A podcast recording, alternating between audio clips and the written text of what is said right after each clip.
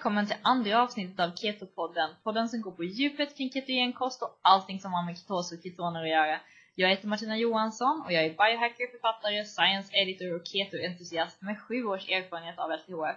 Idag ska vi titta närmare på mentalt fokus och mentala effekter av att vara i ketos. Och det här är ett riktigt favoritämne för mig.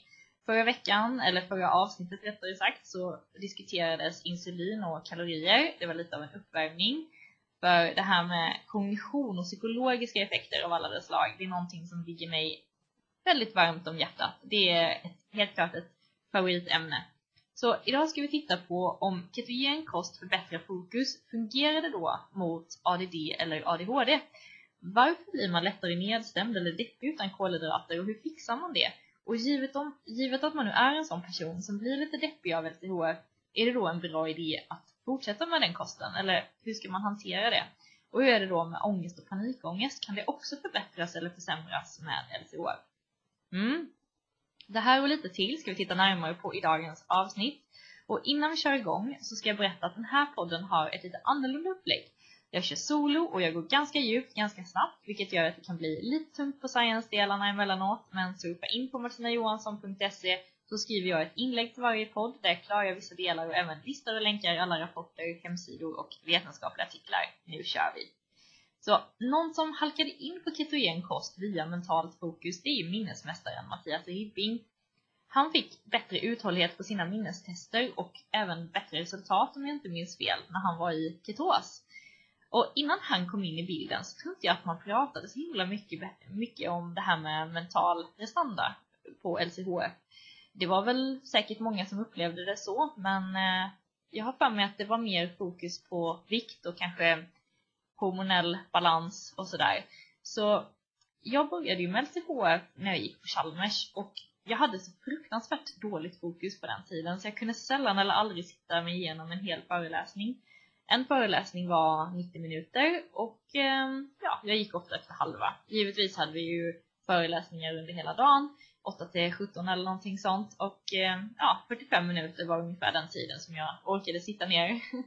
och eh, ja, jag hade ju ambitionen att försöka plugga 12 timmar om dagen, men jag tror att 80% av tiden gick åt till att foruma, facebooka, prata med kompisar, oroa mig över grejer. Under den här tiden så käkade jag ganska mycket dåliga kolhydrater. Det var mycket godis, det var också mycket kaffe, choklad, bröd, yoghurt, nudlar och så vidare. Och nu senare så har jag ju förstått eh, att socker och kost är extremt viktigt när det kommer till att hantera koncentrationsstörningar. Och det här är ju någonting som man inte pratar om inom, inom vården och absolut inte inom psykvården, vilket jag tycker är väldigt, ja vad ska man säga, spännande är väl fel ord. Det är eh, väldigt dåligt att eh, det inte tas reda på mer vad personer som lider av psykiska problem eller koncentrationsstörningar, ja, alltså allt från koncentrationsstörningar till ångest, panikångest, depression, att det inte studeras mer hur de äter, om de äter någonting de inte tål, hur deras koffeinkonsumtion ser ut. Bara en sån sak till exempel hade ju varit väldigt spännande att veta. Men jag tror ju personligen att vissa kan vara väldigt känsliga för koffein utan att veta om det och få i sig extrema mängder koffein som därmed triggar ångest och panikångest. Och bara en sån sak som att man tror att man ska kunna välja i sig Celsius, massa kaffe varje dag och ändå liksom vara en normal och stabil människa. Det känns ju inte riktigt, det känns ju inte riktigt vettigt det heller.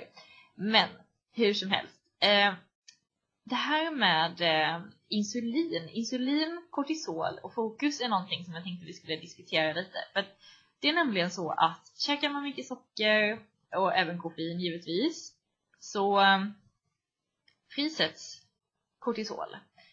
Eh, socker kan på kort sikt faktiskt dämpa kortisolprissättningen men på lång sikt så ses eh, ett stort sockerintag som ett trauma för kroppen och det gör även ett stort koffeinintag. Det skapar en otrolig stress och någonting som är viktigt att veta här det är att kortisol påverkar hjärnan och påverkar upptaget av dopamin. Och dopamin det är ju nyckeln här, för det är ju signalsubstansen som är ansvarig för motivation, fokus och belöning. Och det här, den är ju också då essentiell, essentiell nödvändig för minne, inlärning och så vidare. Belöning, det kanske jag sa. När dopaminet är lågt, det då blir vi ju fippliga, kan inte sitta still och eh, ja, det ser man ju till exempel i personer som har extremt låg dopamin, nämligen Parkinson-patienter. De uppvisar ju just de här fysiska sy sy symptomen. Lågt dopamin ger beteendeförändringar eftersom hjärnan behöver sitt dopamin.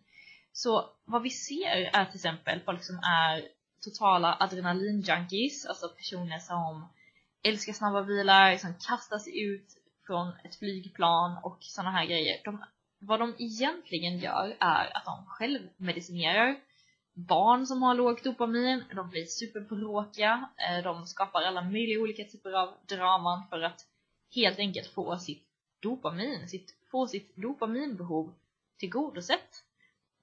Och eh, ja, tittar man på hur, hur barn med eh, dopaminproblem äter så eh, jag tror att man skulle kunna se en koppling mellan deras kost och deras beteende.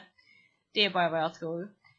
Eh, men det är viktigt att komma ihåg det. Jag nämnde ju då Parkinson till exempel. I, i Parkinson så, eh, så har man en viss eh, en celldöd som gör då att dopaminet produceras mindre och mindre tills det inte produceras överhuvudtaget. Men vid koncentrationsstörningar så finns det tillräckligt med dopamin. Det är själva återupptaget som inte funkar.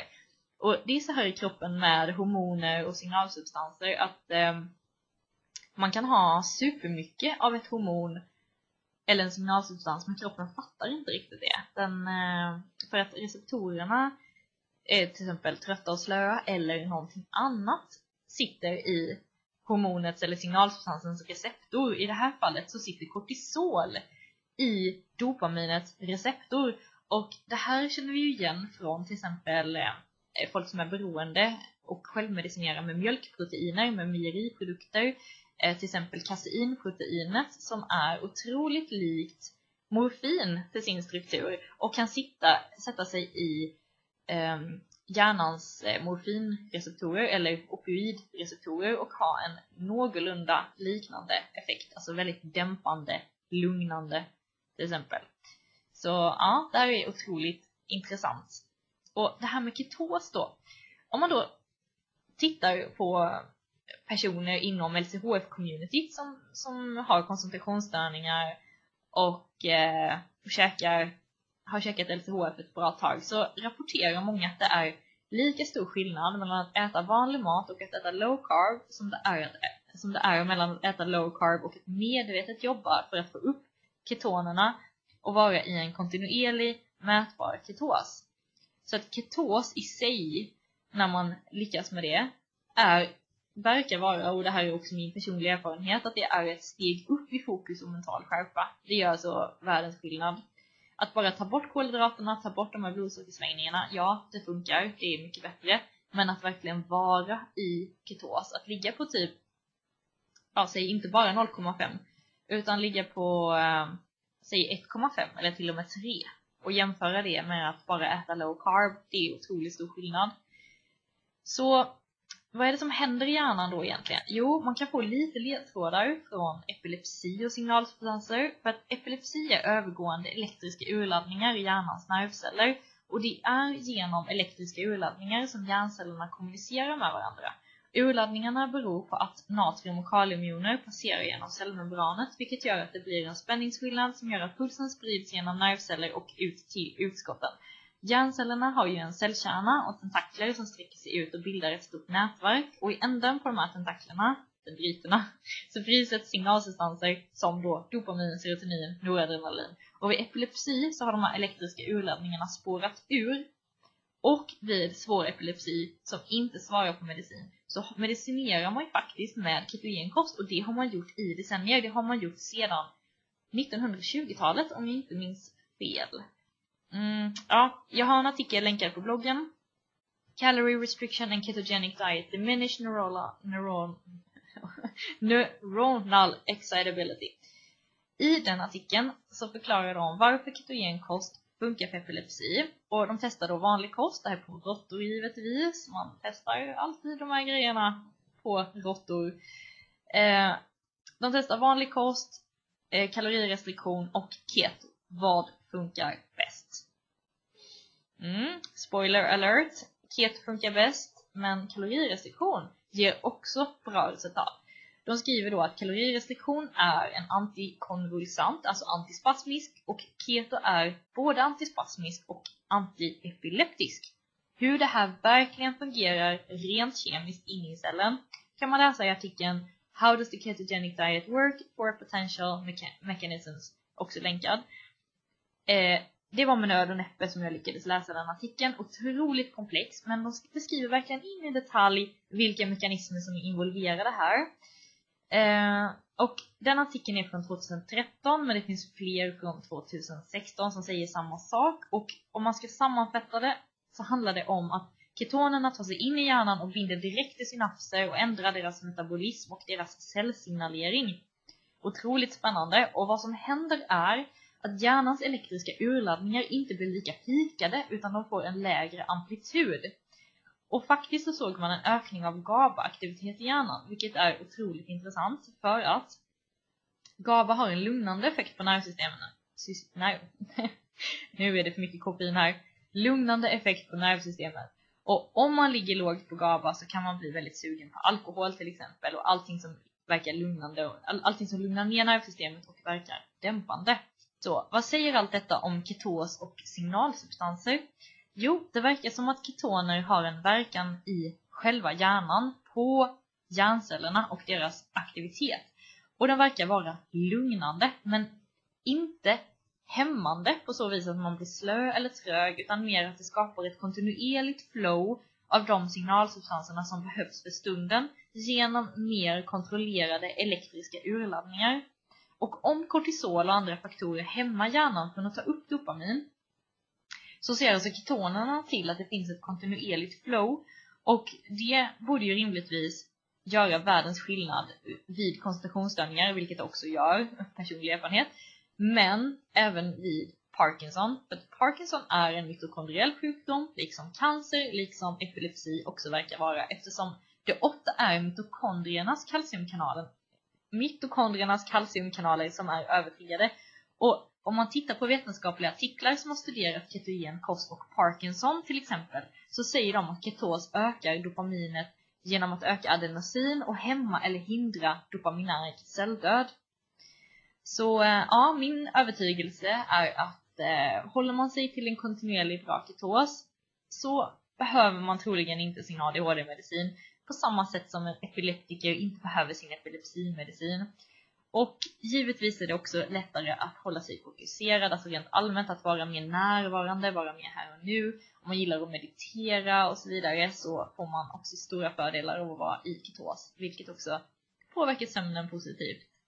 Så det här med personer som blir deppiga och nedstämda av LCHF då? Vad händer i deras hjärnor?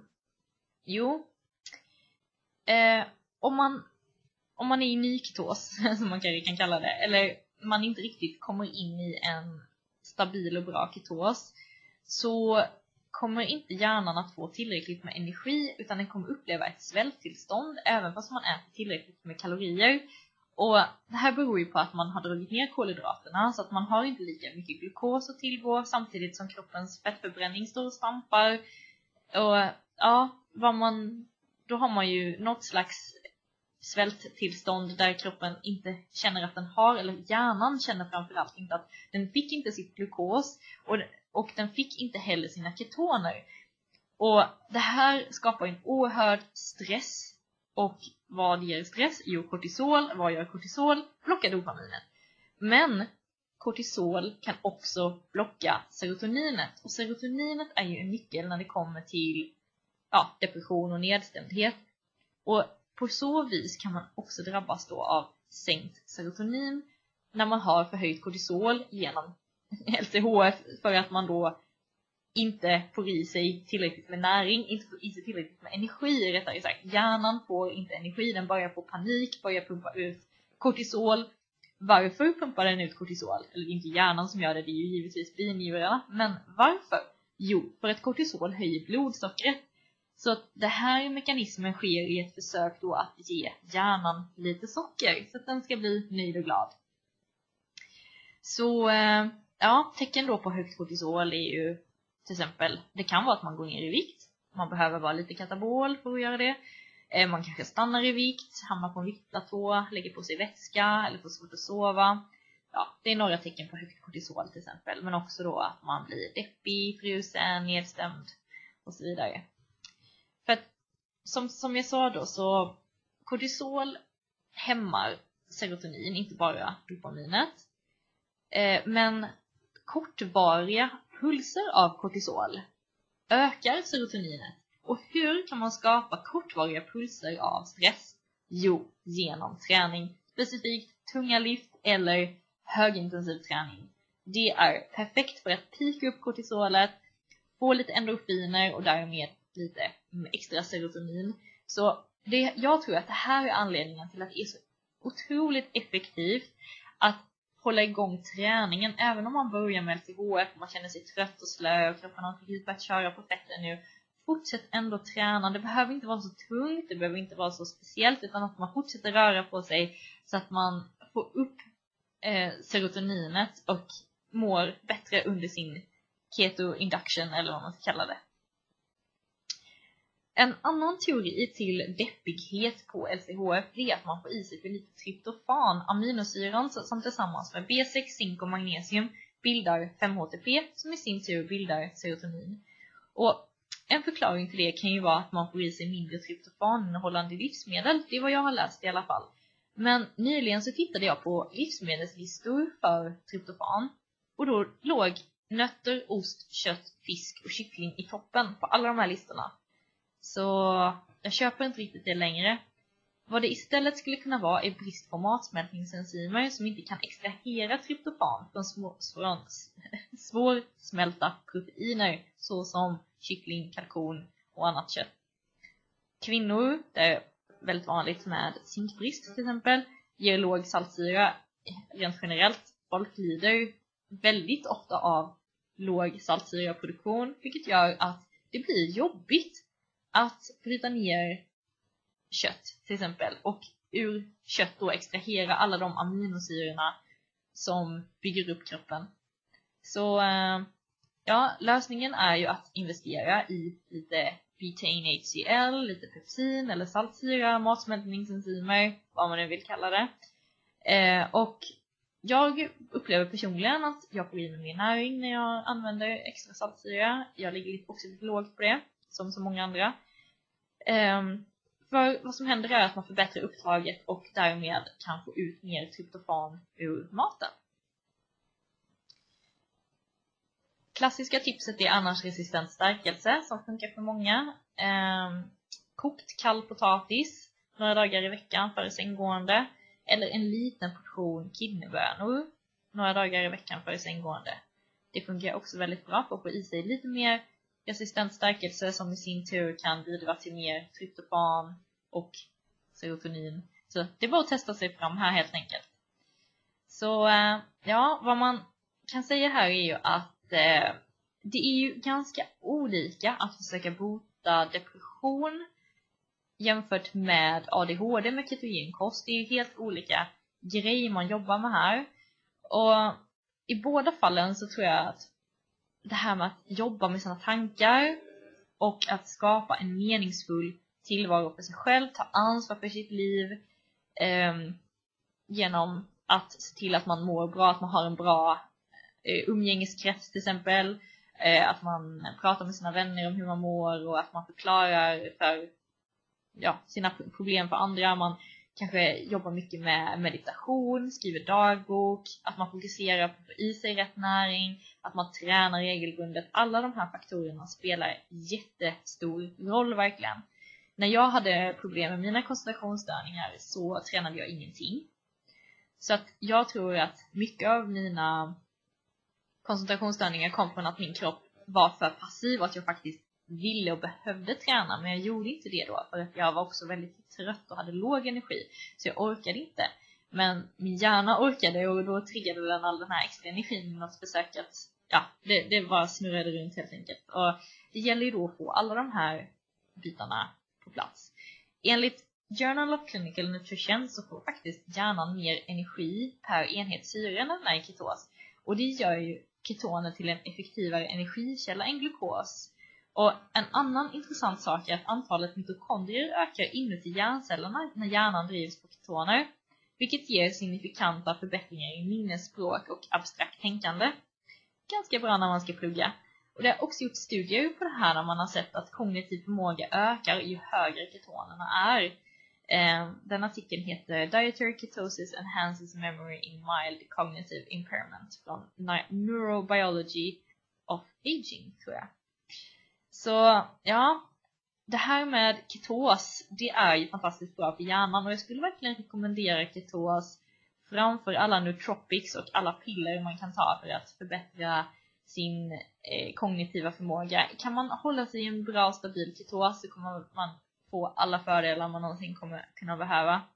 Men om man har sömnsvårigheter, ångest, oro eh, och så vidare så tror jag inte att ketos, det kanske inte är rätt väg utan då tror jag mer på att gå via paleosvängen, eh, kanske försöka lägga in mer, mer grönsaker, alltså mer kidneybönor, kanske pumpa, sötpotatis, de bra kolhydraterna som är lättsmälta för kroppen, som, de, som är lätta att använda. Och eh, satsa på matsmältningsenzymer och se till att man verkligen får i sig alla de här näringsämnena och att man mår bra, tränar regelbundet eh, snarare än att man fokuserar för mycket på ketos och jag tror att man ska undvika allt vad fettkaffe heter om man har problem med ångest och oro till exempel. Bort med koffeinet, in med näringen, lägg till meditation och lungträning till exempel. Sen ska jag också säga avslutningsvis att det finns en så stor koppling mellan läckande tarm och depression så att det är verkligen värt att göra ett test för läckande tarm för att se eh, hur det står till där. För att då kan man lägga till protokoll för att läka läckande tarm till exempel. För det är ju så viktigt att kroppen kan få i sig näring så att den kan syntetisera alla de här signalsubstanserna och hormonerna som behövs. Och det blir supersvårt om man har en läckande tarm som släpper ut proteiner i blodomloppet och som tar sig in i blod-hjärnbarriären och påverkar humör, mående, koncentration, fokus och så vidare. Så det är en jättestor grej att fixa. Men ja, det här var allt för idag. Um, jag hoppas du gillar det här avsnittet. Um, ja, glöm inte att rekommendera podden till andra keto-entusiaster så hörs vi i nästa podd.